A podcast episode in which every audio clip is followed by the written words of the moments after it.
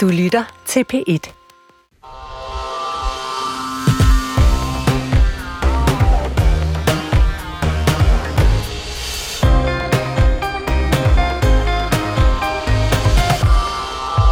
Hvor er Fahad? Sådan lyder det hashtag, som er opstået på flere forskellige sociale medier, efter at vi her på DR har vist den dokumentar, der hedder Forfulgt af politiets spørgsmålstegn. Politiet handler om en øh, syrisk familie i Vejle, som oplever at være udsat for voldsom chikane af Sydøstjyllands politi. Oplevelser, som familien også til en vis grad fører dokumentation for ved hjælp af forskellige videooptagelser, som også vises i dokumentaren. Please, har ikke noget fucking modstand, han ligger der bare! For det! For helvede, mand! Lad nu være! Han er nede! Hvorfor bliver vi med at putte peberspray i øjnene på ham? For helvede, mand! Ja, dokumentaren sætter også spørgsmålstegn ved politiets indsats for at finde familiemedlemmet øh, 16-årige Fahad, som altså stak af mod en skov med en betjent i hælene for halvandet år siden, og som familien ikke har set siden. Men øh, nu er det så kommet frem, at Fahad måske er set i Grækenland, og at Sydøstjyllands politi måske også har været i gang med at undersøge, om Fahad har søgt asyl i Tyskland, og således sidder mange danskere måske tilbage med flere spørgsmål end svar. Hvor er Fahad? Hvem har ansvaret for, at den syriske familie i Vejle føler sig forfulgt af politiet? Handler sagen i virkeligheden om forskelsbehandling og racediskrimination? Og burde politiet fremover bære bodycams for deres egen skyld og for borgernes? Det er dagens P1-debat. Mit navn det er Cecilie Lange, og velkommen indenfor. Du kan som sædvanlige blande dig i dagens øh, debat 70 21 19 19. Det er øh, telefonnummeret her ind til os i øh, studiet. Ring endelig til os. I kan også bare sende en sms til 12 12, skriv på et lavt mellemrum, og så afsted med jeres besked. Jeg vil meget gerne spørge jer, som sidder og lytter med derude. Har I set dokumentaren? Hvad synes I om den? Den hedder Forfulgt af politiets spørgsmålstegn. Vi er meget nysgerrige på øh, seernes og, og lytternes øh, dom. Rosa Lund, øh, velkommen til. Du kommer flyvende ind i studiet nu. Øh, Dejligt, du er her. Velkommen til. Tak. Retsordfører for enhedslisten. Du har kaldt justitsminister Hummelgaard i samrådet på baggrund af den her sag, altså efter at dokumentaren har haft sin øh, premiere. Hvad er det, øh, Rosa Lund, som, som øh, du vil have svar på? Oh, jeg ved nærmest ikke, hvor jeg skal starte. Øh, der er mange ting, jeg gerne vil have svar på, men særligt vil jeg jo gerne have svar på, hvordan, hvordan at en ung mand, en ung dreng, kan være forsvundet i så lang tid. Altså, hvad, hvad sker der? Hvad er status fra det danske politi? Jeg kan jo se, når jeg åbner mine sociale medier, at der er alle mulige, der har alle mulige gætterier på, hvor den her dreng skulle være henne. Øh, det kan vi bare ikke rigtig bruge til så meget. Altså, jeg vil gerne vide, øh, hvor politiet selv ser, den her sag er. Øh, det er, den ene, det er sådan det ene spor. Det handler ligesom om selve drengen og selve den her familie. Det andet spor, som jeg rigtig gerne vil have svar på, eller i hvert fald gerne vil have en politisk diskussion med justitsministeren om, det er øh, borgernes mulighed for at klage over politiet, altså når man er blevet behandlet dårligt af politiet. Og det handler om den uafhængige politiklagemyndighed, som jeg grundlæggende set er stor tilhænger af. Men jeg kan jo også bare se, at sagsbehandlingen er på 200 dage. Jeg kan jo også godt se, at det er politiet, der undersøger politiet. Og, og der har vi det jo for eksempel sådan, at vi ikke sætter Danske Bank til at undersøge hvidvask. Og derfor så er det også mærkeligt at sætte politiet til at undersøge politiet. Mm. Øh, så, så det er sådan de to spor, jeg ser i den her sag. Noget af det, som det for mig i hvert fald virker som om, at danskerne også er ret optaget af på baggrund af den her øh, dokumentar, det er jo øh, politiets øh, behandling af den her syriske øh, familie, øh, som altså bor i Vejle. De er flygtet øh, fra, fra Syrien i forbindelse med, med borgerkrigen. Ikke? Øh, hvad tænker du om antallet af gange, øh, som politiet øh, har været i kontakt med den her familie, altså en familie, som har øh, ren øh, straffeattest, øh, alle øh, for en, øh, og, og hvor der altså ikke er en finger at sætte på deres... Øh, forretning indtil videre, selvom det jo også har været oppe til øh, øh diskussion med politiet? Jamen altså, øh, jeg gjorde mig alle mulige tanker om det, og jeg skal ikke stå her og være hverken øh, advokat eller politibetjent. Jeg er politiker, og derfor er det svært for mig jo ligesom på den måde at gå ind i den konkrete sag. Men samtidig kan jeg jo også bare meget tydeligt se, at øh, det her sker ikke for alle familier i Danmark. Øh, derfor har de været og er stadig i en særlig udsat position. Og jeg synes jo desværre, må jeg sige, at at det, øh, det tyder på, at der er foregået noget her, som virkelig ikke skal foregå. Øh, der er jeg meget øh, enig med det, som, øh, som Eva Schmidt siger i, i dokumentaren, at, at hvis, hvis det står til trone, det man kan se, øh, nu er det jo også klippet sammen og så videre, så det forbehold vil jeg gerne tage, men, mm. men hvis det passer, så er det, den her familie jo virkelig blevet behandlet dårligt, og jeg har da selv tænkt, at den her sag er nu to år gammel, og det er først nu, at vi står i pit debat og diskuterer den. Øh, og det synes jeg da også er lidt øh, tankevækkende, at, øh, at hele det her spørgsmål om den uafhængige politiklagmyndighed for alvor var noget, der ramte overskrifterne og måske også øh, snakken ude i kantinerne og ved kaffebordene hjemme i de danske stuer, da det var en... Øh, en hvid chefredaktør, som blev behandlet dårligt af politiet. Ja, der taler du om Adam øh, Tadik, en, en chefredaktør, som jo fik ja. en, øh, hvad nogen danskere vil kalde en hårdhændet øh, behandling øh, af politiet øh, ude på øh, Christiania. Hvad det, du siger mellem linjerne, øh, Rose? Du synes, det er påfaldende, at øh, danskerne og medierne øh, behandler den her sag nu, hvor øh, det først var en, øh, en hvid chefredaktør, og, mm. og den her sag med familien for Vejle har lavet øh, sig øh, vente i, i to år. Jamen, jeg har ikke egentlig ikke behov for at sige det mellem linjerne. Jeg vil gerne sige det meget direkte. Øh, jeg synes, at det er øh, ærgerligt, at det skal være sådan, at når det handler om en hvid, eller når det handler om en familie, øh, som er flygtet fra Syrien til Danmark, øh, så er, er, er vi som offentlig debat, og som samfund, og som medier, og som politikere, øh, så trækker vi lidt på skuldrene af det. Og når det så er, er en fra vores øh, eget lag, så er alle bare helt op og støde, og der er den ene leder efter den anden i Dagbladet Politikken, og øh, P1 er simpelthen øh, helt op at køre, og det er P1-orientering også, og det er altså ikke noget ondt ord om P1, jeg er jo tit selv i det her studie, men det er bare for at sige, at der er en skævhed der. Vi hører lige et øh, klip mere fra øh, dokumentaren her. Det er! Altså, når jeg lukker den her, så, så sparker vi den. Det, skal du bare, det er sidste chance. Jeg er bange! Jeg er bange! Jeg er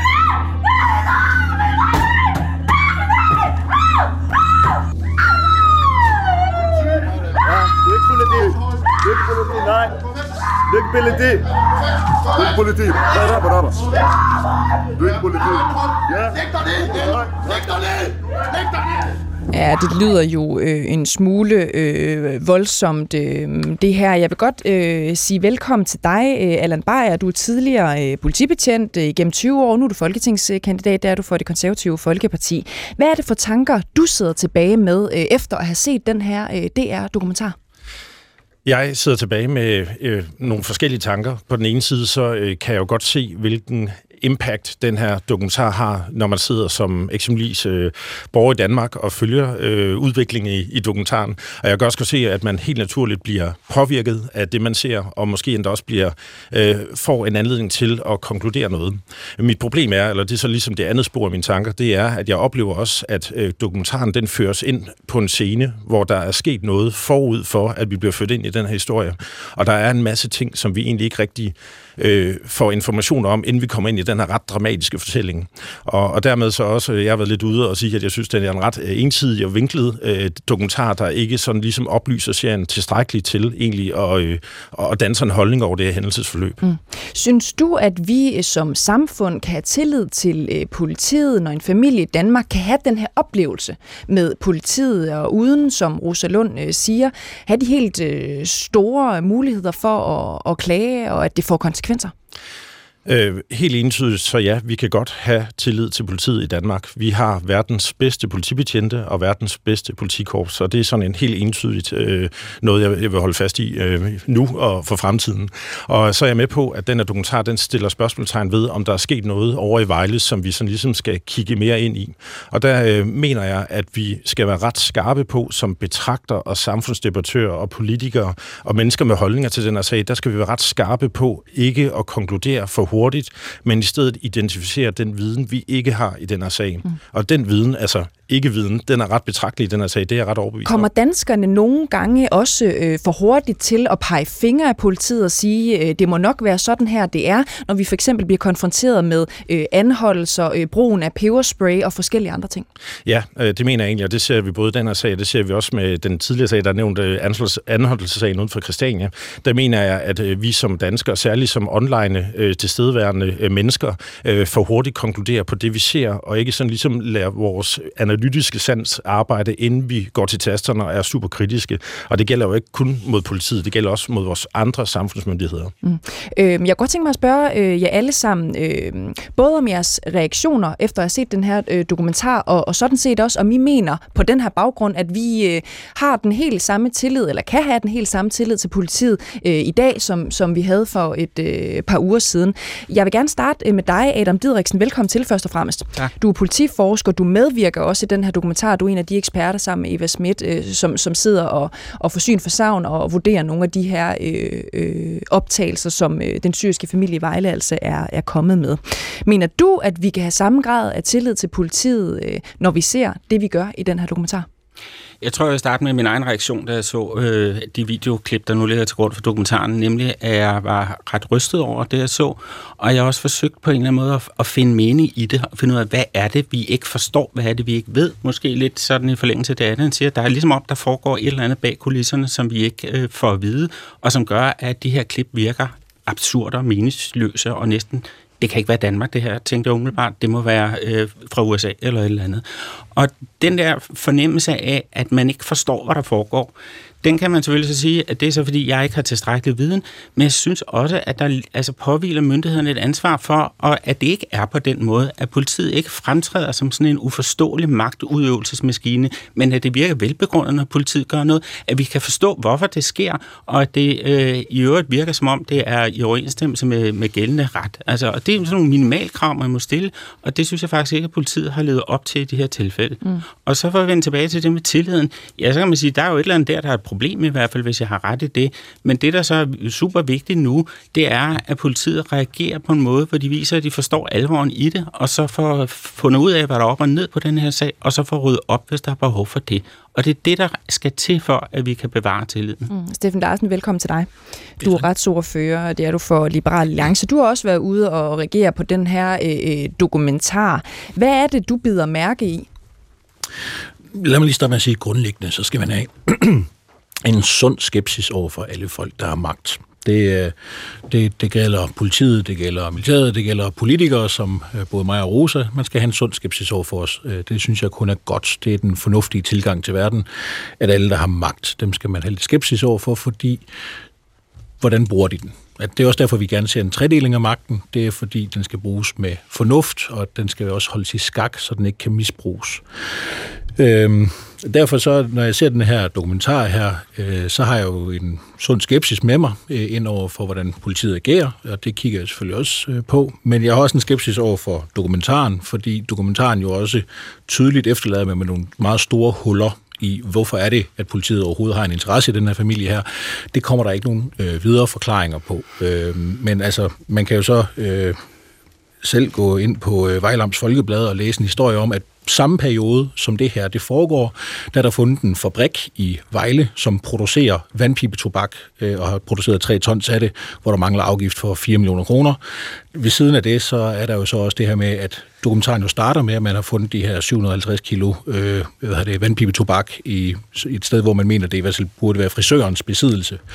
Det starter dokumentaren med, men derfra så hører vi ikke mere om, om hele det spor, eller hvorfor politiet kommer. Og der synes jeg jo, at det havde klædt politiet, hvis man havde øh, måske oplyst eller givet nogle informationer, eller været øh, øh, imødekommende over for de her dokumentarister her. Og lad mig lige blive her, Sten Larsen, fordi hvad er det egentlig, du savner øh, svar på? ikke? Fordi at, øh, så du er også inde på det nu, det bliver sådan set øh, berørt, både det her med øh, vandpipe, tobak, og vi får også at vide, at den pågældende øh, mand, som har været inde til afhøring hos politiet i forbindelse med den her sag, han er blevet frikendt. Der er ikke, mm. øh, alle familiemedlemmerne har en fuldstændig ren straffeattest. Så hvad er det for ekstra informationer, du sådan set har behov for, når vi ser jo også eksempler på, at øh, familien er udsat for, at politiet øh, sparker døren ind og går ind i familiernes hjem uden retshængningskendelse hele to gange?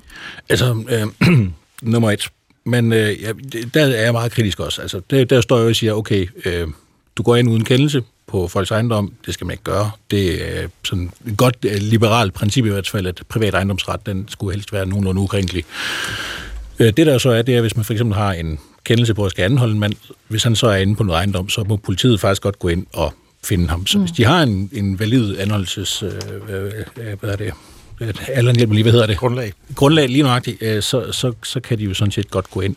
Men, men øh, det er der, hvor jeg står og siger, okay, men det, det får jeg ikke noget oplysning om. Hvad er det egentlig, der foregår her? Og politiet, den politibetjent, der er med i øh, dokumentaren, trods alt, øh, han fortæller jo ingenting. Øh, så der kommer ikke noget viden. Jeg bliver ikke øh, klædt på. Men der er jo nogle klare ting, hvor jeg ser politiet gøre noget, hvor jeg vil sige, det er det minder om magtmisbrug. Øh, og det er jo selvfølgelig ekstremt kritisk overfor, det skal man ikke udsætte for lige meget, øh, hvem man er som borger. Thomas James øh, Thomsen, velkommen til dig. Tak. Du er iværksætter, du er foredragsholder, og så har du fortalt mig, inden vi øh, gik ind i studiet øh, i dag, at du var faktisk øh, ret berørt efter du har set den her øh, øh, dokumentar. Prøv lige at forklare, hvad er det for en overvældende følelse, du øh, sidder tilbage med?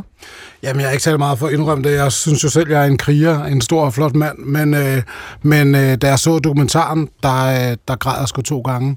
Øh, specielt den scene, vi faktisk hørte lige før, hvor at, øh, at øh, de sparker døren ind, og, og der bliver trukket knibler, og øh, damen øh, har sit øh, barn på armen, og øh, det ser meget, meget voldsomt ud. Det var, det var ulideligt at se på. Mm.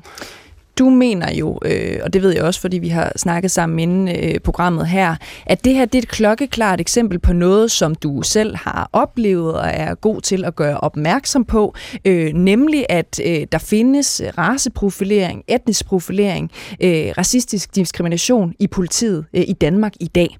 Øh, prøv lige at forklare mig, hvorfor føler du dig overbevist om, at det er det, der er tale om øh, i den her dokumentar? Jamen altså, øh, i modsætning til de andre flotte mænd og roser, som står her, der øh, der er jeg jo en øh, mørk hudfarve, øh, det man normalt vil kalde en anden etnisk baggrund end dansk. Øh, og det slår mig faktisk, at, øh, at øh, som sædvanligt, så er det, er det middelalderne hvide mænd, der fortæller os andre, at her der er i hvert fald ikke tale om øh, racediskrimination eller racisme, og det ikke findes.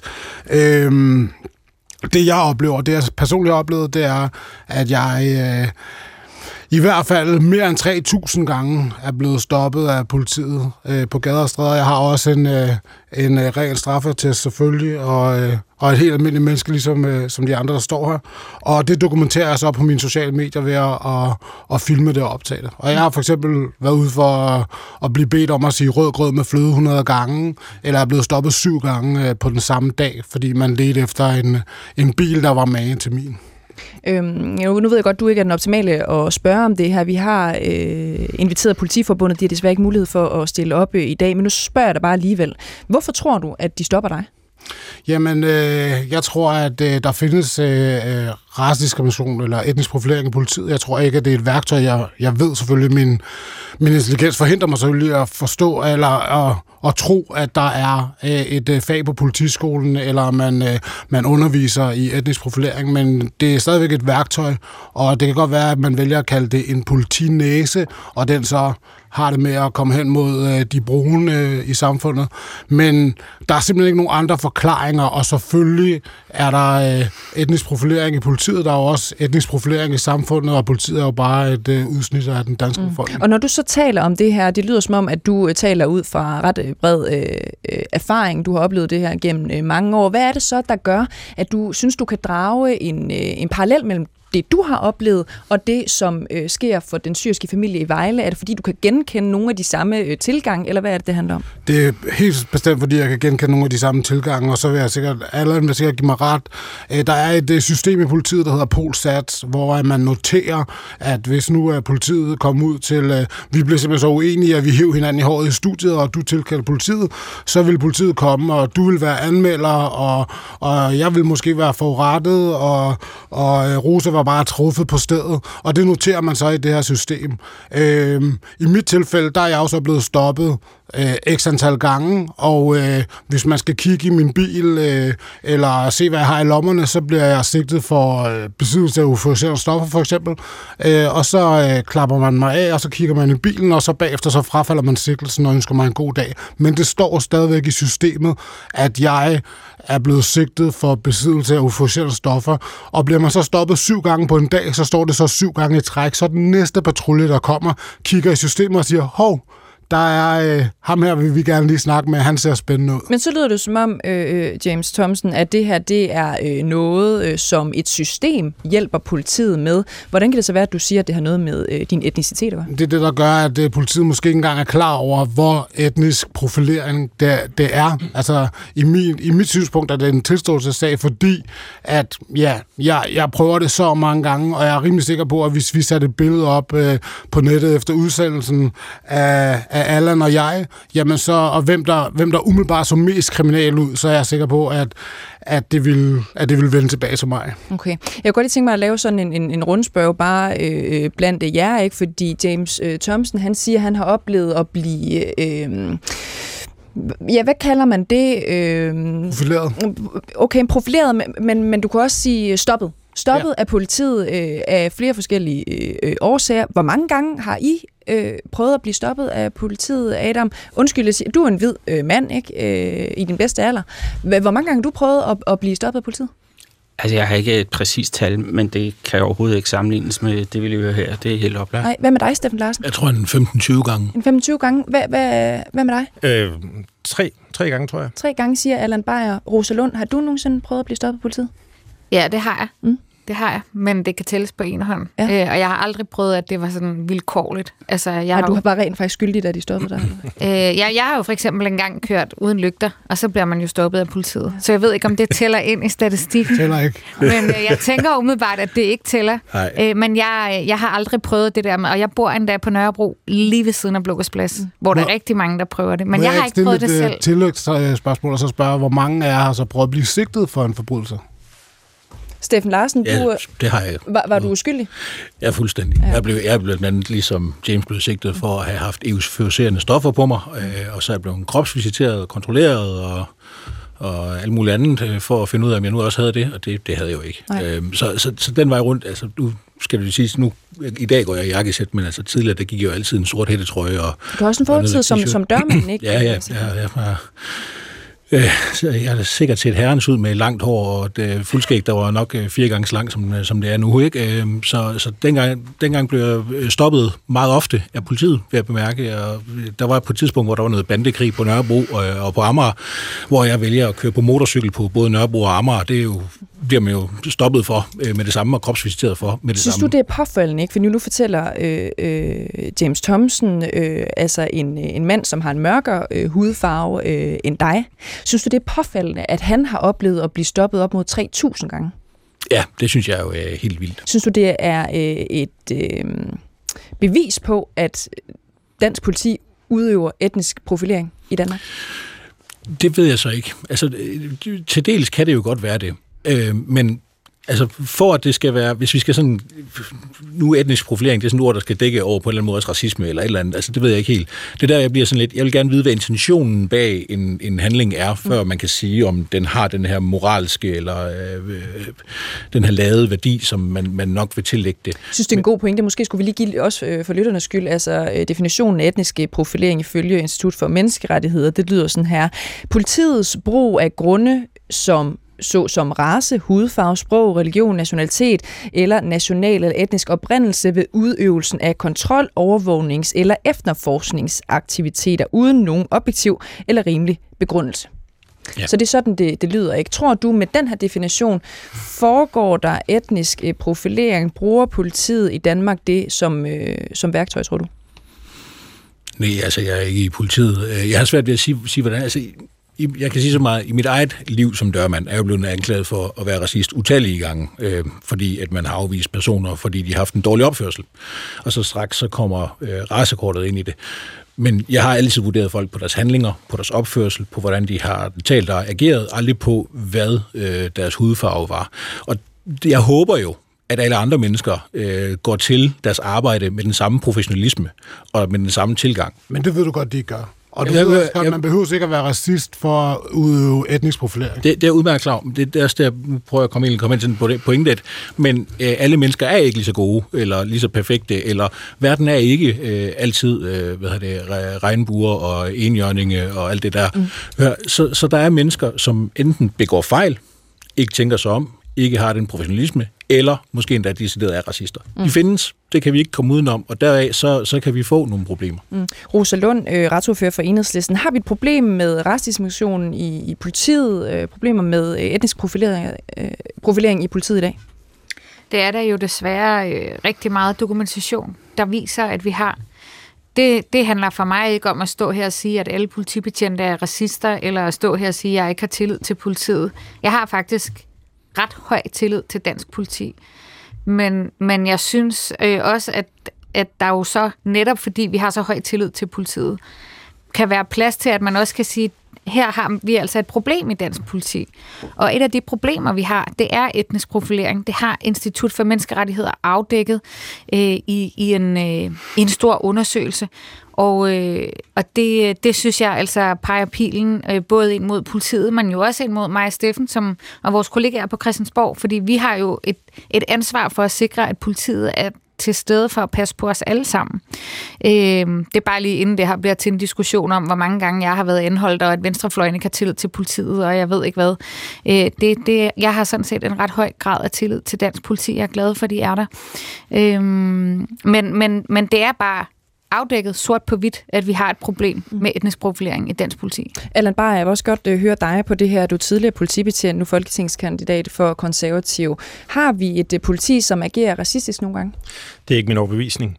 Øh, jeg har været aktiv betjent fra 2004 til 2023, og øhm, øh, i den periode har jeg jo mødt mange hundrede, hvis ikke tusind kollegaer, som jeg har arbejdet sammen med. Og jeg har faktisk ikke oplevet det her øh, en eneste gang, hvor jeg har oplevet, altså hvor jeg har defineret en situation som etnisk profilering. Og så kan man diskutere, hvordan der vil sig op og ned. Men jeg tror, vi skal være ret skarpe på, at øh, altså, jeg er ikke af den overbevisning, at, øh, at øh, der er systemisk etnisk profilering i politiet. Og så kan man jo altid tage de her konkrete sager, og det kan, der, øh, der er James jo et godt eksempel. Han har, har den oplevelse af det, lige så vel som jeg har en oplevelse af, at der ikke er etnisk profilering, profilering i politiet. Mm. Og, og så, skal, så skal du ligesom løftes op. Så du siger, på dine knap 20 år, der har du ikke øh, en eneste gang oplevet, at hverken du eller dine kollegaer har udøvet øh, etnisk øh, profilering? Absolut ikke. Altså, okay. det, det har jeg ikke oplevet, og jeg har heller ikke selv øh, udøvet det. Men der er jo mange, øh, der kan jo være, øh, der kan være visse aspekter i det her, som vi ikke rigtig ser. Eksempelvis, hvis vi tager et eksempel, som, øh, som James nævnte, at øh, der var sket en hændelse inde i København, og man leder efter en bil, eller måske en person, der har det udseende, som James har, øh, eller en mørk person, øh, jamen så er det jo naturligt, at politiet de stopper øh, mørke personer, eller den bil, han nu engang kører rundt i. Altså det giver jo mening, sådan rent politi øh, taktisk. Øh, og det må vi jo ikke der må vi jo ikke lave den fejl og kategorisere det som etnisk profilering. Og, og det, er de, måske det er de elementer, som vi ikke har med i den her debat. Okay, James øh, øh, Thomsen, vil du ikke reagere på det, du hører her? Altså en øh, politimand øh, gennem 20 år, der siger, at han har aldrig øh, oplevet øh, etnisk øh, profilering, hverken set det eller været med til det. Jamen for det første så er jeg enig med Allan i, at vi har en af de bedste politikorps i verden. Øh, jeg synes også, at vi har et rigtig godt øh, landshold i fodbold, øh, øh, men det så Hvorfor vi i går, de, de var, dårligt, de var ikke så godt. De kan jo stadig spille dårligt en gang imellem, så der er plads til forbedring, også selvom man er en af de bedste. Øh, det jeg så vil sige, det er, at jeg vil gerne invitere Allan ind på min Instagram, Thomas James Thompson, og se nogle, øh, og se nogle klip. Øh, for jeg har for eksempel prøvet at holde øh, og blive stoppet, og en meget flink betjent siger, nu skal du høre, det er slet ikke noget med dig at gøre. Vi, vi leder bare efter en bil, eller de siger selvfølgelig et køretøj, som er man til dit. Og i det, han siger det, så kommer der på videoen et køretøj, der er identisk med mit kørende forbi, og så spørger jeg ham, hvad så med den der? Så siger han, ja, det var en ældre hvid mand. Og øh, det, det, er sådan, det er lige præcis det, jeg mener.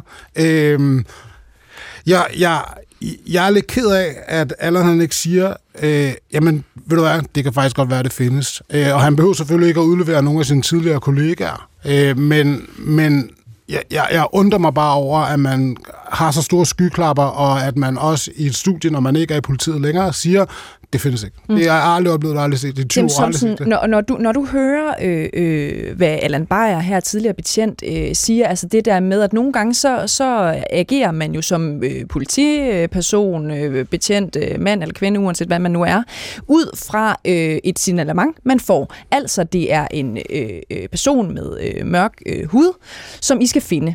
Er det så i orden, at man øh, stopper en som dig, hvis man har det signalement?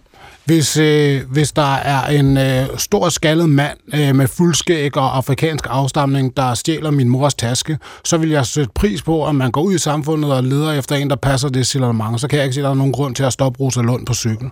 Men men hvis vi præventivt kører rundt på gader og stræder og tænker, nu skal vi, der, nu skal vi, nu skal vi random øh, øh, vælge nogen, som vi skal se, om de har stjålet ned i superbrusen, og man så bliver ved med at vælge øh, fire mørkløde fører i, øh, i et eller andet køretøj, så øh, vil man jo også få et resultat, der viser, at så og så mange øh, mørkløde fyre, de har stjålet ned i brusen, men derfor kan man ikke udlede, hvor mange pensionister, der har gjort det. Og jeg tror, det er sådan, at derhen, at vi er. Okay, vi har en lytter, som har ringet ind til os, så skal I nok få ordet øh, øh, begge to lige om et kort øjeblik. Lad os lige byde velkommen til Erik, der har ringet ind til os på 70 21 19 19.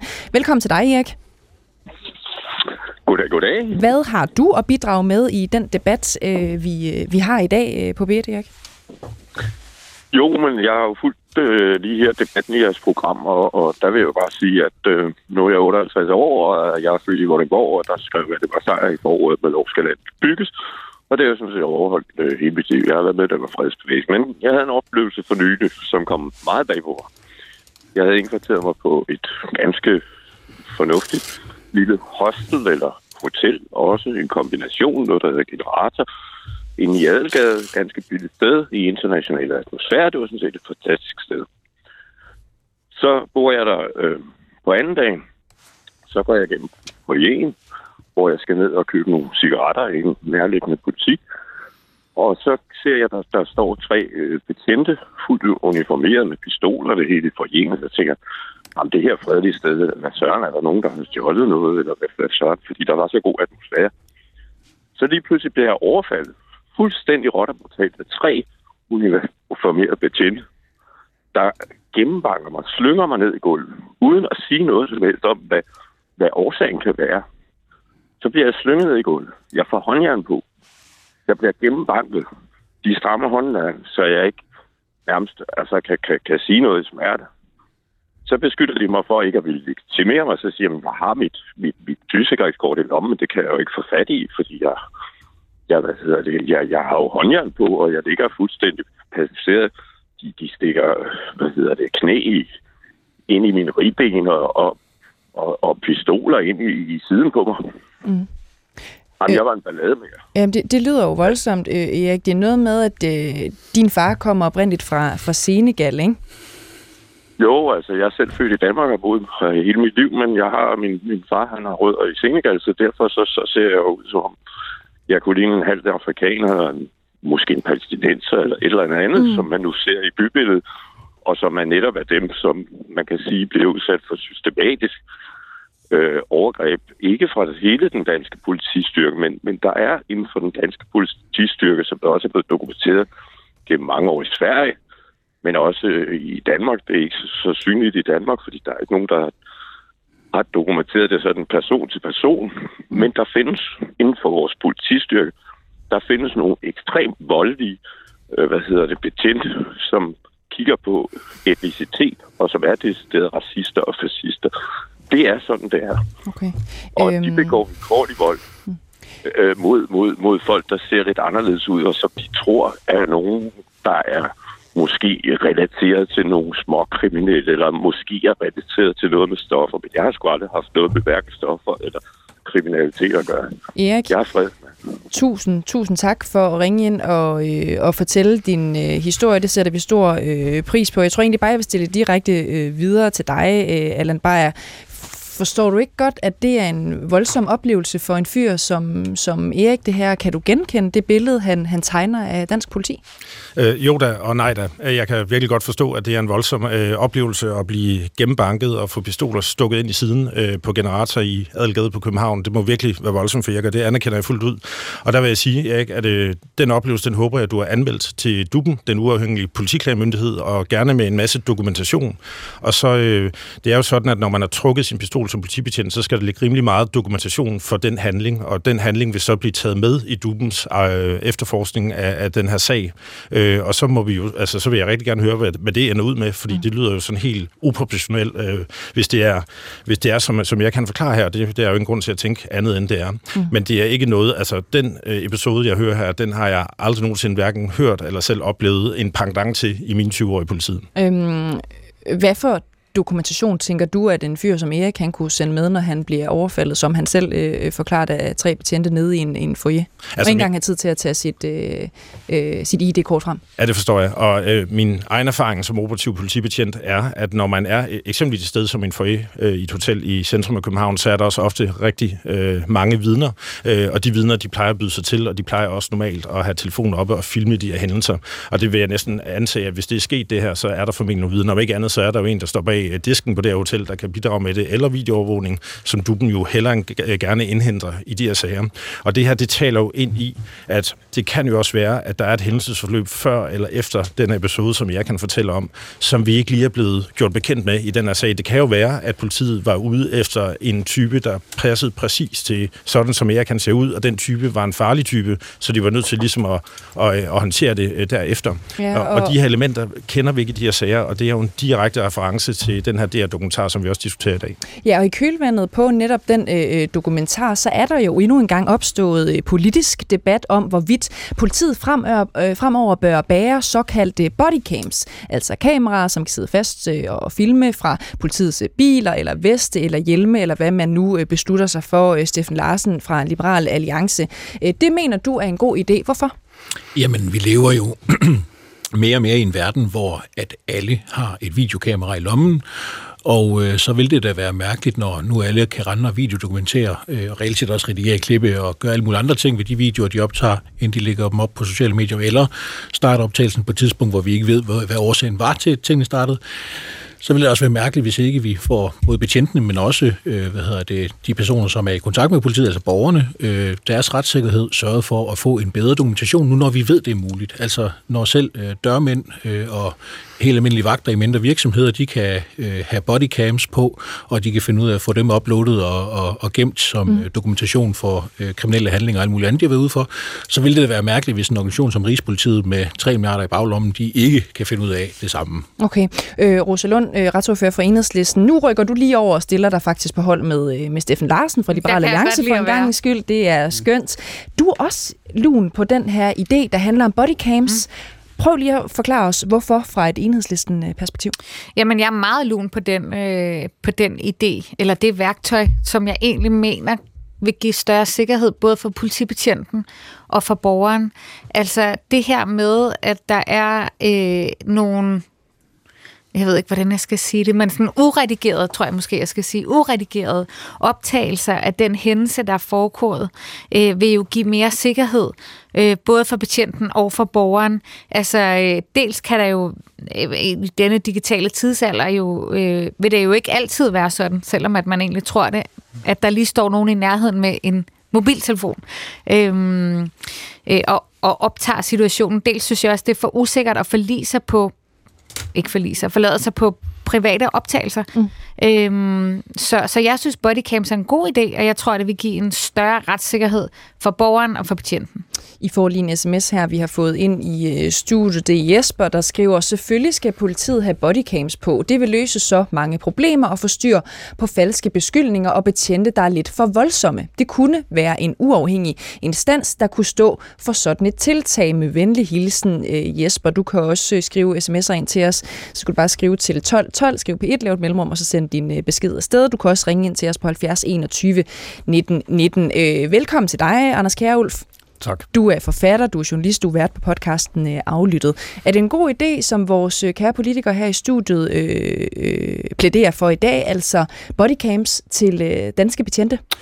Altså, hvis jeg skal tale for mig selv, så synes jeg, det er en dårlig idé. Øh, og det er det, fordi at der ligger en lang række undersøgelser omkring det her, der viser, at det kommer ikke til at virke efter hensigten. Og der er jo en masse spørgsmål, man er nødt til at stille sig selv, før man begynder at klistre bodycams på øh, betjente i det hele taget. Nummer et, øh, det væsentligste er, skal de her kameraer optage hele tiden? Altså det bliver de jo i princippet nødt til, hvis det er sådan, vi skal gemme alle de her ting. Og hvor skal de data så inden henne? Og skal de, hvor længe skal de gemmes?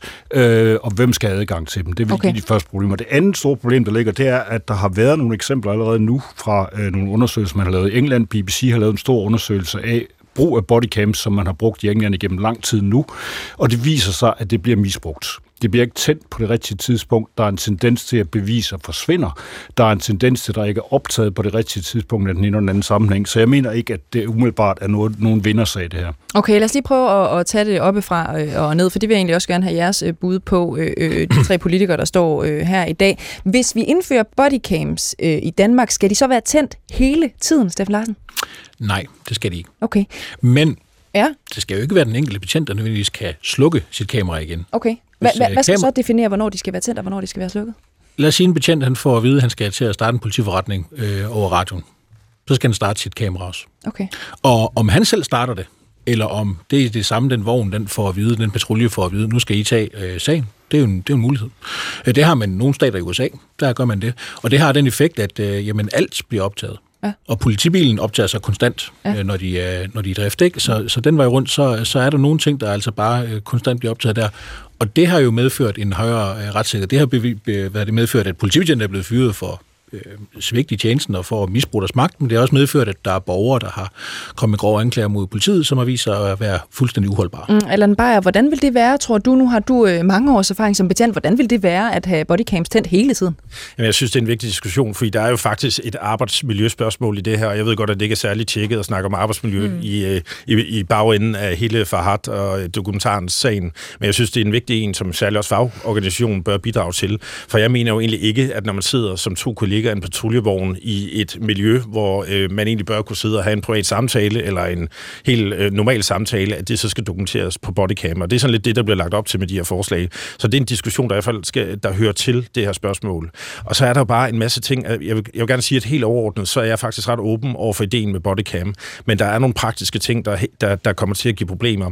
Eksempelvis, hvis vi toner ned i dokumentaren, så øh, kan vi se, at i visse af de her øh, scener, der er i dokumentaren, der er det civilklædte betjente, der udøver en politiforretning. Mm. Og øh, pointen med at være civilklædt betjent, det er, at man blender ind med det civile samfund, og dermed så vil det ikke give mening at udstyre sådan en med et kamera.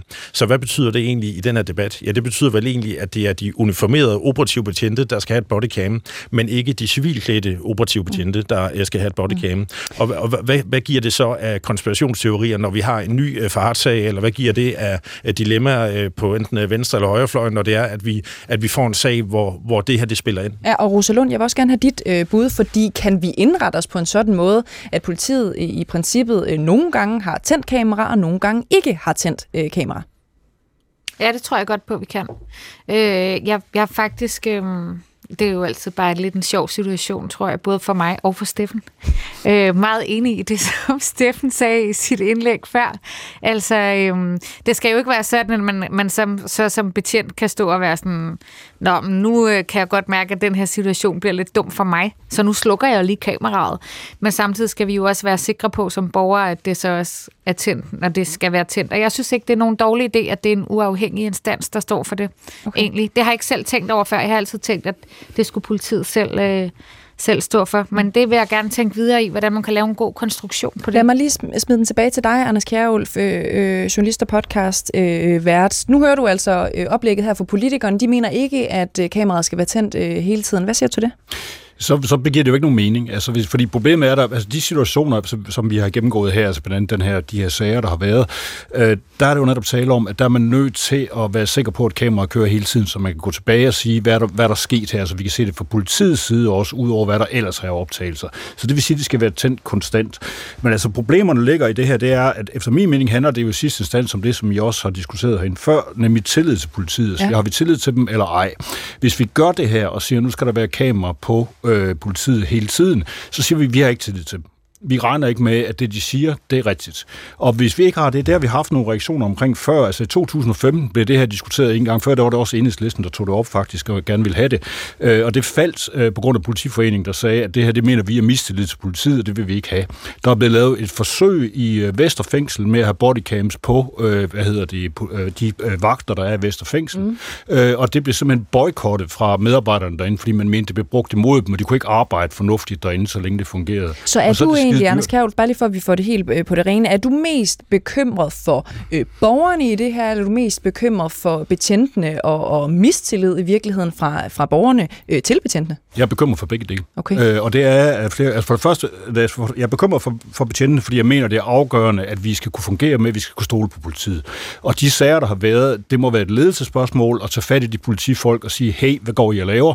Det her, det skal vi have styr på, ellers kan du ikke være politimand, hvis du ikke opfører dig ordentligt over for, for de borgere, du har med at gøre. Og hvis man ikke kan fikse det på den måde, men er nødt til at gribe til noget mere teknologi og sige, nu er vi nødt til at overvåge de her mennesker, jamen, så mener jeg, at det sejler, og det er problematisk. Samtidig, hvis vi klister politiet ind i kameraer, så de hele tiden går rundt med det, jamen så øger vi jo tilstedeværelsen af overvågningskameraer i det offentlige rum.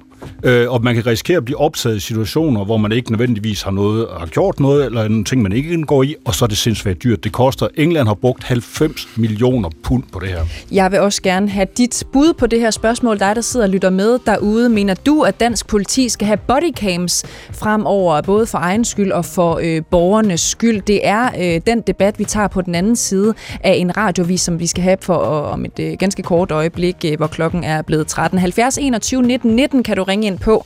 Du kan også bare sende en sms til 1212, hvor du skriver på 1, lave et mellemrum, og så din øh, besked er sted til os herinde. Øh, vi er tilbage med mere P1-debat på den anden side af en radiovis. Klokken den er 13.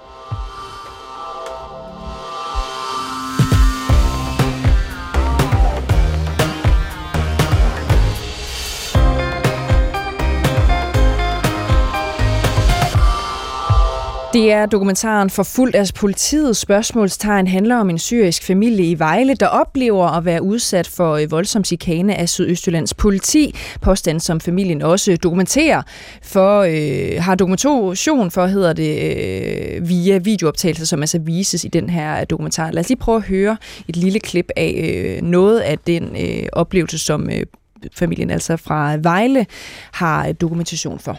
Please, Stop. Lad nu være! Han er nede! Hvorfor bliver du ved med at putte peberspray i øjnene på ham? For helvede, mand!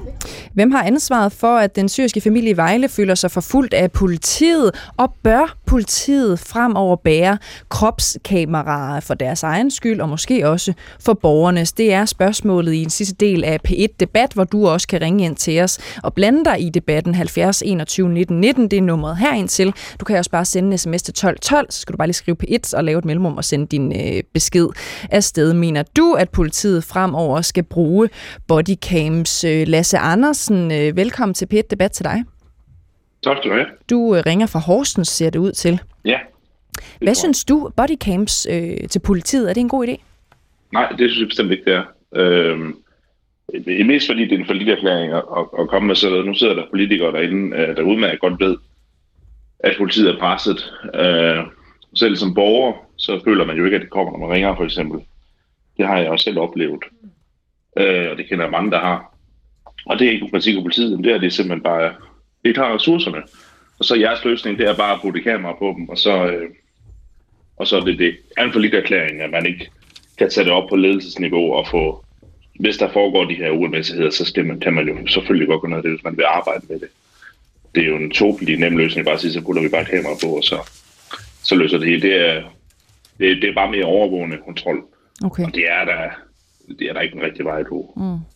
Nu ved jeg ikke, er du bare almindelig borger, øh, Lasse, eller hvordan? Ja, ja, er ja. Vil, vil du ikke Men jeg føle har jo lyst til, altså, læst meget om potente og, Ja. og set programmer og sådan noget om det. Altså, Ja. jeg kender det også, altså, man hører det også fra andre mennesker, hvad de oplever med politiet. Ikke? Mm. Øhm, Vil du ikke øh, som borger, øh, Lasse, føle dig mere øh, tryg, hvis du sådan hele tiden vidste, om det her det bliver fanget øh, på kamera, hvis nu man har en uheldig oplevelse med, med politiet for eksempel? nej, altså det ville jo være det helt vanvittigt. Altså, så skulle man jo, det meste trygge borgere skulle så have været den der bryde DDR, hvor man var sikker på, at alt, hvad man gjorde og, og foretog sig, blev optaget. Øh, det kan lige så vel bruges imod en, hvis der er noget problem i, i politiet, så, øh, så kan de jo også vende mod en. Altså det, hvis man får sådan et kontrolsamfund, så det fører ikke øh, noget godt med sig. Okay. Det har vi jo stort set allerede, og det virker åbenbart ikke, at det vi allerede har. Så det burde jo nok egentlig have mere frihed, mm. hvis jeg skal være helt ærlig. Mm. Tak for indsparket, øh, Lasse Andersen, altså som ringede til os fra, øh, fra Horsens. Øh, Steffen Larsen, retsordfører for Liberal Alliance. Øh, Liberal Alliance er ikke normalt sådan et parti, som, som stemmer for mere overvågning af, af borgerne. Hvorfor gør I det i det her tilfælde?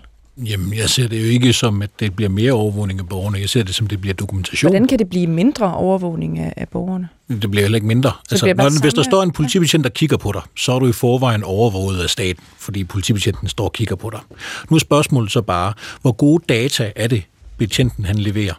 Fordi hvis han skriver ned en rapport bagefter, jamen så er det jo det, han har skrevet ned, som gælder. Men hvis der også er en videodokumentation af det, som han har set og observeret på stedet, og der er måske også lydoptagelser af det, så ved vi, hvad han har sagt, vi ved, hvad der er sket, vi ved, hvem der har sagt hvad, hvem der har gjort hvad, hvilke handlinger, der er foretaget på stedet. Det er trods alt en mere præcis ting, end en øh, nedskrevet øh, hvad hedder det, rapport fra en politibetjent mm.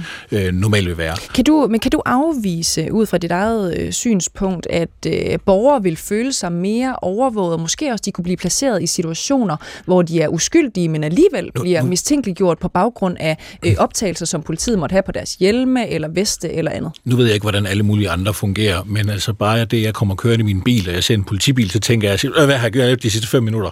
Øh, det, det, det fortæller noget om, om min øh, øh, hvad er det, øh, frygt for øh, myndighederne eller et eller andet, men altså, øh, jeg er altid øh, smerteligt bevidst om, at øh, politiet har øh, en magt, og den magt, den synes jeg jo, man skal have en eller anden form for kontrol af, øh, og jo, jo mere den magt kan være øh, kontrolleret, jo, jo bedre reelt set, fordi øh, den skal jo ikke bruges vilkårligt, den skal jo ikke bruges på at chikanere øh, uskyldige borgere, den skal ikke bruges på alt muligt andet.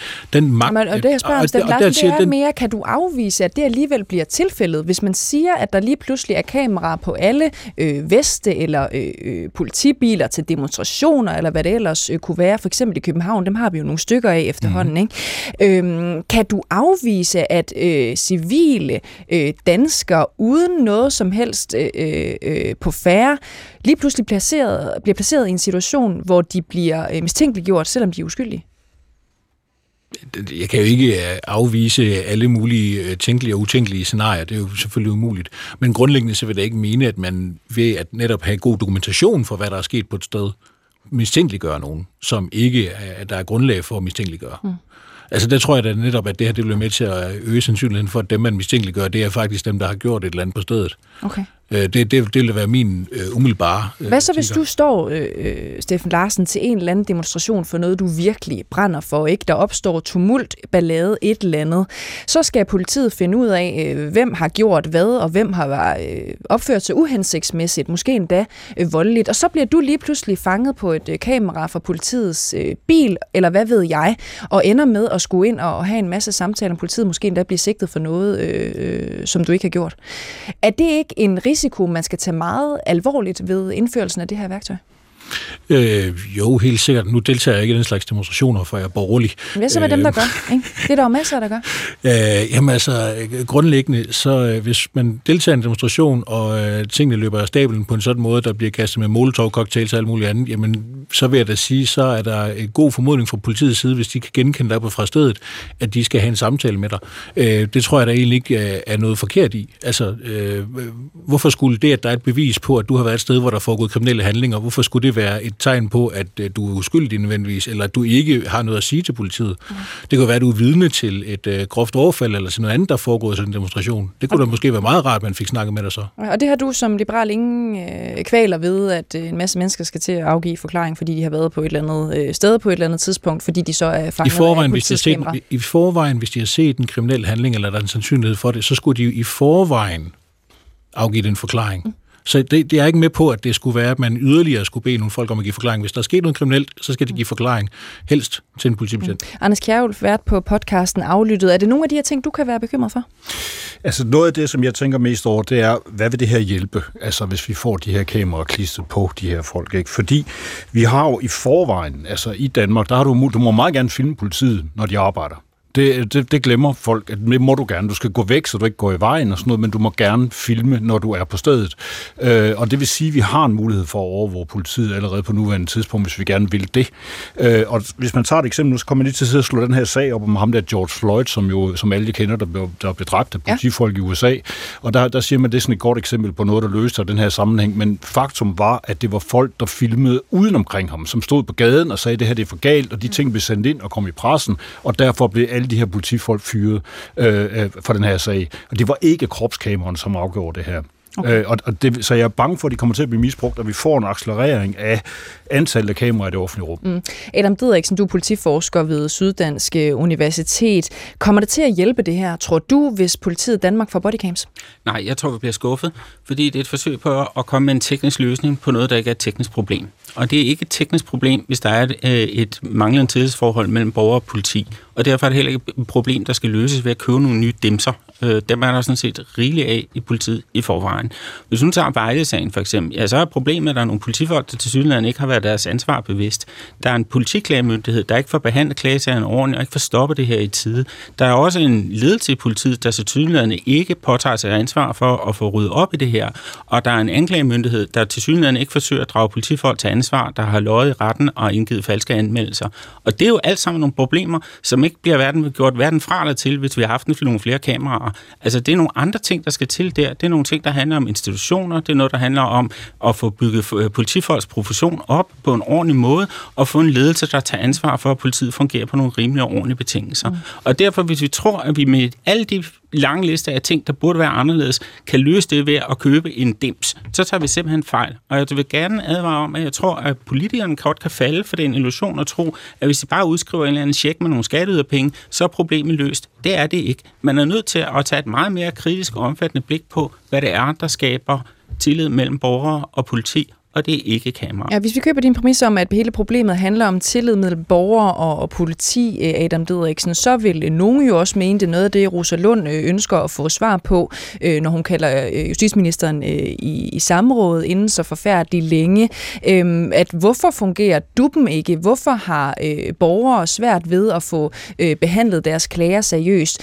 Vil sådan et bodycam øh, ikke bidrage til, at borgerne kunne få en højere grad af retsfølelse, retssikkerhed, hvis de rent faktisk har dokumentation på nogle af de ting, de synes, de er blevet udsat for, som var uretfærdige?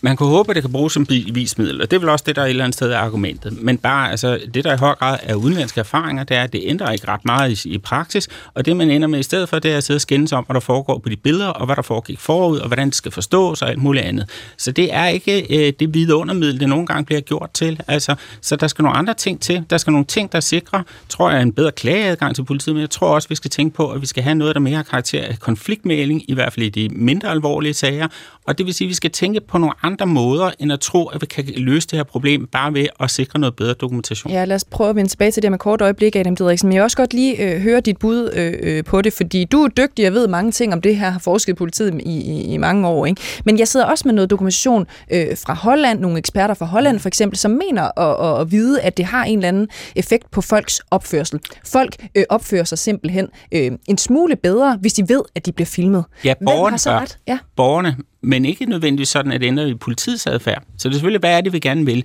Jo, øget overvågning af borgeren, det har en effekt. Ikke? Altså for at tage det eksempel af folk, der kører på, på motorvejen, og så kommer der en politibil, ja, så kører folk pænere. Ikke? Så politiets overvågning ændrer samfundet. Det er klart nok. Så den præmis er i orden. Så hvis det, vi vil, det er, at vi vil give politiet et arbejdsredskab og øge politiets overvågning af befolkningen, fint, jamen så kan det godt bruges til det. Okay. Men det er bare ikke det, der bliver sagt. Nej, Steffen Larsen, hvad siger du til det, der kommer fra Adam Didriksen her? Altså, I bliver skuffet i politikere, der, der advokerer for det her, for det virker ikke. Jeg, jeg tror nu, det har en effekt. Jeg tror selvfølgelig også, at Adam har ret i, at der er andre ting, der skal til også. Øh, jeg tror, at øh, politiets ledelse øh, i den her sag blandt andet, hvis man nu går tilbage til det, jeg sagde før, ikke? Altså, jamen, jeg synes, de svigter ved ikke at informere mere. Jeg synes det også, øh, det, det er problematisk, at, at øh, nogle af de handlinger, der, der er foregået, at de ikke har haft nogen øh, tilsyneladende ledelsesmæssige øh, konsekvenser. Det synes jeg, der er et kæmpe problem. Mm. Øh, det, det, er da, det er da helt grundlæggende, øh, altså politibetjente, der lyver i retten, Ja. Det er jo fuldstændig sindssygt. Altså, det skader det politiets ry. Altså, normalt har politiet jo en ret høj tillid, også mm. i, hvis de vidner i retten. Det mister man da fuldstændig, hvis man går ind og gør det. Så der er sådan nogle helt klare ting, at der er vi simpelthen nødt til at, at, at altså, se på, hvad er det egentlig øh, politiets egen ledelse, okay. hvad er det anklagemyndigheden laver ja. her, hvad er det, der foregår. Ja. Det er jo selvfølgelig nogle af de spørgsmål, vi også skal stille til Peter Hummelgaard, justitsministeren, når mig og Rosa Lund, vi sidder til det samme ord, for ja. jeg sidder der også øh, til samme ord. Det er ikke mig, der er indkaldt til det, mm. men det, jeg kommer til at sidde der. Og det er vi mange, der er glade for, øh, Steffen Larsen. Rosa Lund, jeg vil lige spørge øh, dig. Når du hører fra Adam Didriksen, at det her måske kan øh, virke på borgerne, altså at de opfører sig lidt mere regelret, men ikke over for politiet, Gør det dig så i tvivl, om det er den rigtige løsning? Øh, egentlig ikke. Øhm, og og jeg, jeg, jeg får i hvert fald meget lyst til at sige, at det selvfølgelig ikke er den eneste løsning. Det er jo ikke sådan, at jeg står her og tænker, også i forhold til den lytter, vi havde igennem før, det er ikke sådan, jeg står her og tænker, så får vi bodycams på politiet, og bum, så er alle problemerne løst. Jeg er slet ikke i tvivl om, at vi har et kæmpe ressourceproblem i dansk politi. Jeg synes også, der er nogle af de ressourcer, som bliver brugt forkert. Jeg mener, at grænsekontrollen er spild af ressourcer. Øh, det er politiressourcer, som kunne bruges meget bedre. Bare for at tage et eksempel. Så, så jeg vil i hvert fald også advare mod, at eller i hvert fald gerne selv sige, at vi tænker ikke i enhedslisten, og det tror jeg egentlig heller ikke, man gør i Liberal Alliance, at hvis man putter bodycams på betjentene, så bum, så er alle vores problemer øh, og udfordringer i dansk politi løst. Sådan er det jo ikke. Men selvfølgelig giver det mig da grund til at overveje, øh, når jeg hører på det, som, øh, som Adam Didriksen siger. Jeg øh, havde bare forstået det sådan, og det kan være, det er mig, der er uopdateret, at de steder, hvor man bruger øh, bodycams, der har det faktisk også øh, hjulpet. Jeg ved, man ved jo så ikke, om det har hjulpet på politiets opførsel, fordi man kan jo ikke på den måde have det sammenligningsgrundlag, men at der skulle være øh, sket øh, bedre opførsel mellem politi og borgere. Og derfor er jeg sådan set klar til at prøve det af. I hvert fald sige, at den måde, det fungerer på i dag, virker jo ikke. Så, så hvad er det så, vi skal gøre? Altså, fordi duppen er et rigtig godt redskab, synes jeg selv. Flere ressourcer. Lad os gøre den endnu mere uafhængig, men det løser jo bare ikke problemet ved, at vi ikke kan som borgere forlige os på, at der står nogen ved siden af, og lige har en mobiltelefon i lommen, der tilfældigvis er strøm på, som lige kan filme øh, fra den rigtige vinkel. Det synes jeg også er lidt Okay. Øh, uhyggeligt på en eller anden måde, hvis det skulle være det, der var det, vi, vi stolede på. Lad os lige øh, byde velkommen til vores næste øh, lytter, Yusuf, som har ringet ind til os. Velkommen til dig, Yusuf. Jo, tak. Du mener, at det er en god idé, hvis politiet fremover skal have bodycam øh, på. Hvorfor det? Det mener jeg, fordi at øh, hvis politiet virkelig mener, at de følger reglerne, og de kan arbejde, at de gør deres del, så burde de have bodycam på. Hvis ikke de har det, så kan de jo lyve, og det så man jo som øh, debat nu handler om, om Fahad, hvordan de har løjet sig om nogle ting. Og hvis de nu havde haft bodycam på, så kunne, man, kunne de jo vise deres del, og så kunne man vurdere, om de har løjet eller ikke har løjet, eller lyver eller ikke lyver. Mm. Det lyder jo som om øh, øh, på politiet, når man snakker med dem en gang imellem. Vi står også her med, med Allan, øh, tidligere politient i, i studiet nu. ikke. De, politiet synes også, det er en god idé med, med bodycam. Det er der i hvert fald flere, der gør. Gør det indtryk på dig, at, øh, at politiet sådan set også øh, synes, det kunne være øh, befriende, Josef? Ja, helt klart, og jeg føler da, at de skal gøre det. Jeg kan ikke se nogen grund til, hvorfor man ikke skulle gøre det. Mm. Hvis de virkelig følger bogen og reglerne, eller reglerne efter bogen, så, så burde de jo gøre det. Mm. Så, er de så kan de ikke lyve sig frem, så viser de deres sande side. Mm. Noget af det, vi jo også snakker om, øh, Yusuf, i den her debat, det er jo, hvorvidt de her kameraer skal være tændt hele tiden, eller øh, noget af tiden, øh, og hvem skal i så fald bestemme, hvornår de skal være tændt og slukket. Hvad tænker du om den problemstilling? Selvfølgelig skal de da ikke være tændt hele tiden. De skal jo også have noget arbejdsro og alt sådan noget, noget privat, når det er, de er på arbejde. Mm. Så de skal være tændt, når det er, der de får en melding, eller de er på vej ud til, hvad ved jeg, noget, altså en melding, men når de sidder i bilen for eksempel, så skal de ikke være tændt. Mm. Men lige så snart de træder ud, og de er på vej ind til nogen, eller noget, så skal de være tændt. Okay. Øh, Josef, tusind tak, fordi du ringede ind øh, til os, og jeg tror bare, jeg vil spille den over til dig, øh, Anders Kjærulf, ja, øh, øh, journalist og, og podcastvært. Nu har du stået og lyttet med et, øh, et stykke tid øh, nu her, og du markerede lige før. Øh, hvad er det, de glemmer, de kære politikere? Altså allerførst, så vil jeg sige, fuldstændig enig med Adam Dideriksen, der sidder og siger, at det her det er teknisk fix, det her. Det er, at vi har, vi har et tillidsproblem med politiet angiveligt i forhold til de her sager. Vi stoler ikke på, at de gør det rigtigt. Og det vi så gør i stedet for, det er, at vi så øh, lægger mistillid ovenpå ved at sige, at vi så skal, så skal vi optage dem hele tiden. Og så skal vi så have tillid til, at de kan finde ud af at tænde og slukke for de her kameraer på det rigtige tidspunkt. Mm. At de skal have tillid til at gemme de her optagelser, og at de kommer til at ligge det rigtige sted. Og det, det ser jeg som en modsigelse. Altså det bliver et problem det her. Vi kommer til at gøre noget, som ikke kommer til at virke. Og igen, hvis vi vender tilbage til, hvad der er sket i England, hvor man nu altså lige det her, vi snakker om i september måned, er der kommet den her store undersøgelse, hvor BBC har gennemgået en masse sager omkring øh, bodycams i England og brugen af dem. Og der har de fundet 150 stærkt graverende sager i England, som handler om, om, om ting, der bliver væk, altså optagelser, der forsvinder, kameraer, der ikke er blevet tændt, øh, hvor, og, og, og politifolk, der glemmer at tænde for dem, øh, og hvor undskyldningen lyder, som ikke bliver straffet, hvor undskyldningen lyder som om, at han var lidt forvirret lige på det tidspunkt, så han glemte glemt at tænde for sit kamera. Øh, og så er der igen det helt store problem, hvornår skal jeg have adgang til politiets optagelser? Kan jeg garantere, få adgang til dem alle sammen i forbindelse med en retssag? Kan jeg komme ind og kigge i det her? Vi er forvejen det land i hele Europa, hvor der er flest kameraer per indbygger i Danmark. Vi kunne starte med at bare sige, hvis politiet havde adgang til alle de her kameraer, der er sat op rundt omkring, jamen, så kan det være i forbindelse med en retssag, at borgerne også kan have adgang til dem, så de kan se, hvad der har været, hvad der er optaget. Så det kunne vi starte med, hvis vi gerne vil have flere ting. Jeg mener ikke, der er brug for flere kameraer nu. Okay, Steffen Larsen først, og så Allan bagefter. Altså nu, øh, England er jo sådan en dystopi ude i overvågningssamfund, og har været Ja, det de har jo- flere kameraer end dem. Ja, jo, jo, men, øh, men der, deres kameraer, de er så trods alt placeret lige hen over hovederne på os alle sammen øh, konstant. Altså offentlige, øh, statsejede kameraer. CCTV-systemet i England er jo øh, øh, Øh, voldsomt. Men ja, vi, efter vi har fået øh, ANPG-kameraer og alle mulige andre ting, som jeg forresten også synes øh, til dels er noget djævelskab øh, øh, i nogle øh, henseender, der kan være enige med Anders øh, Kjærulf om, at øh, overvågningssamfundet må ikke tage, tage overhånd. Øh, men der ser jeg jo sådan på det, at når betjenten han kommer gående, så overvåger han jo folk alligevel. Han kigger, altså han er statens overvågning på det sted, han er. Øh, som han har et kamera på sig, det synes jeg egentlig ikke er lige så problematisk som meget den anden overvågning, som øh, staten foretager, som jeg ser som problematisk. Og det, det er jo her, hvor at, at øh, jeg måske adskiller mig, ellers har jeg normalt stor respekt for Anders Kævels øh, anti-teknologi-linje øh, på mange punkter. Øh, jeg er selv et meget analogt menneske, øh, men, men lige her synes jeg, det vil være fornuftigt. Og det kræver selvfølgelig, at man indretter et system, som fungerer bedre end det, det engelske system, fordi det engelske system har klart nogle defekter, blandt andet det her med, øh, hvordan øh, data gemmes og oplæres, og hvor, hvilke øh, hvad er det, ting, der er omkring øh, brugen af de her data her. Mm. Jeg har bare lige en bemærkning. Jeg har bare lige tænkt på det. det. Du sagde nemlig før, at vi vil få bedre data ud af en politifolk, der, der, hvor man optager ting. Ikke? Og det er jo det, der er problemet. Ikke? Det er jo, at, at vi tror, at vi, vi skal gøre vores politimænd til computer, altså som er pakket ind i alle mulige kameraer, hvor de render rundt og optager, så vi får objektive kriterier på det her, hvor vi kan sidde og vurdere det.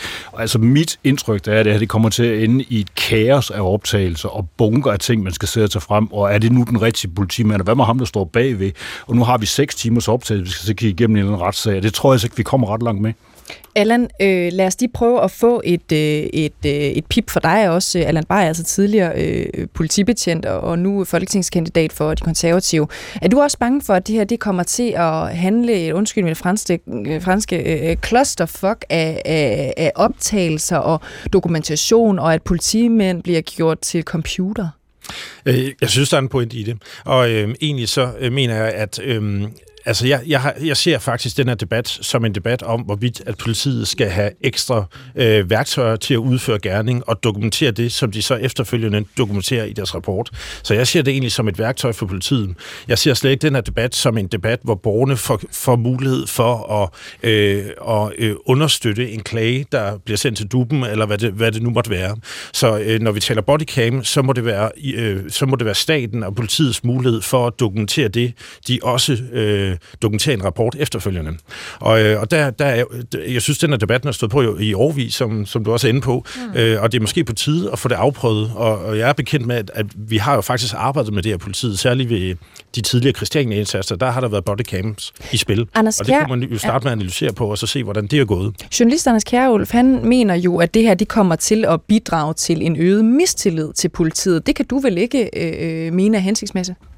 Øh, nej, og det mener jeg heller ikke, at den, det kommer til. Altså, jo, jeg er med på, på metaplanet, at vi prøver et uh, kamera på betjentene, og særligt hvis det så er med, med det udgangspunkt, at vi skal holde betjentenes adfærd i ørerne, så er der mistillid i spil her. Det mener jeg helt, øh, det, det er der ikke et grundlag for at gøre.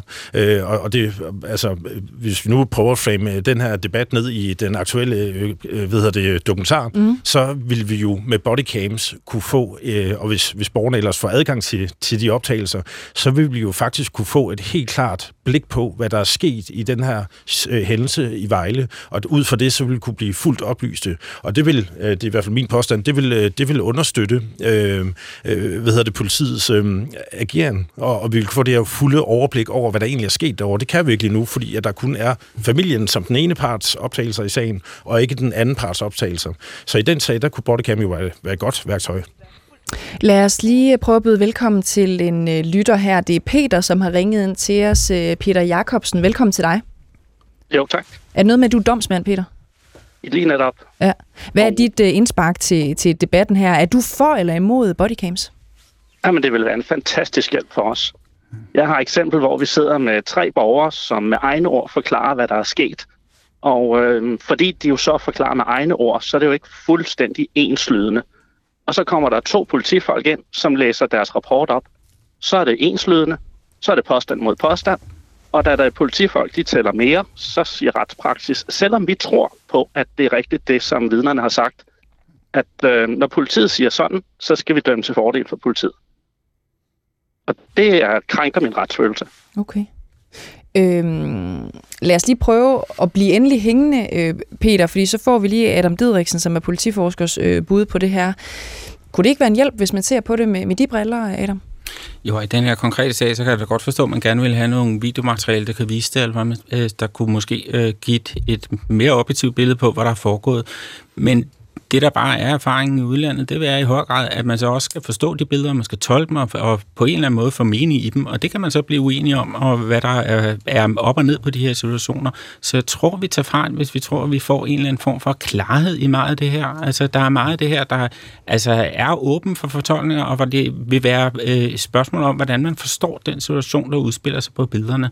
Så den her klarhed, den tror jeg ikke, at de her kameraer nødvendigvis giver. Mm, Steffen Larsen fra Liberale Alliance. Altså, nu er jeg flere gange som dørmand blevet anklaget af folk, der har, har fået en hård medfart fra døren, for at øh, jeg var voldsmand.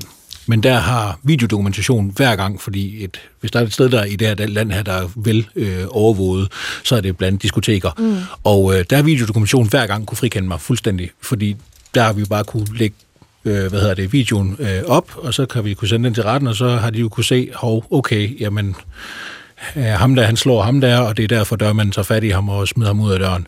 Øh, det er simpelthen, fordi vi havde et, et over, voldeligt overfald, eller hvad det nu har været. Ikke? Øh, og der har jeg jo øh, fra, fra tid til anden øh, øh været ekstremt lykkelig som dørmand for at have haft videoovervågning. Også de gange, hvor vi har haft bodycam, der har det også øh, kunne hjælpe mig. Jeg var i en situation, hvor der var tre mand, der overfaldt mig, øh, og hvor øh, videodokumentationen viste, at på trods af deres, de tre mænds påstand om, at det var mig, der havde overfaldt dem, øh, at det var klart var dem, der øh, langte mig nogen på hovedet først, inden at jeg øh, overhovedet gjorde noget ved dem. Og den slags øh, øh, sikkerhed, det er jo en retssikkerhed, øh, man kan have, og det, jeg for, forudser egentlig, at politibetjente burde være glade for at få den samme form for retssikkerhed, som jeg har haft som øh, dørmand. Øh, jeg kan ikke sige, sige andet. Øh, jeg synes ikke, at vi skal have et totalt overvågningssamfund, men jeg synes da, at, at vi skal overveje, hvor vi kan bruge øh, overvågning på en klog måde. Mm, Anders Kjærhul, for det ikke rigtigt? Jeg synes, jo, der er stor forskel på at være privatvagtmand. Øh, det, jeg har dyb respekt for det arbejde, og det er, øh, men der står du i en privat situation, du står typisk stille et eller andet sted, du ligger ikke og går ind og ud af folks huse og skal alt muligt andet forskelligt, og det er nogen, der kommer til dig. Og der kan, der kan jeg sagtens se meningen i, at der, at der, der er der mulighed for at have noget overvågning på dig, så det, så det giver mening, og der er jo som regel i øvrigt også fast videoovervågning på selve stedet, som man kan spole tilbage i. Der ser jeg ikke noget problem. Jeg ser et problem i, når vi har det statslige vold, voldsmonopol, som vores politi er. Når de ligger og kører rundt og flytter sig i tingene, at de så optager alting, så bliver det noget andet. Tusind tak, Adam Didriksen, politiforsker, Rosa Lund, retsordfører Enhedslisten, Steffen Larsen, retsordfører Liberal Alliance og Anders Kjærulf, vært på podcasten, aflyttet. Også tak til dig, Allan Beyer, tidligere politibetjent og folketingskandidat for de konservative Folkeparti. Dagens program blev til med hjælp fra Siv Søby Rasmussen, Christian Flækner, Gravholdt og mit navn, det er Cecilie Lange. Tusind tak, fordi I lyttede med.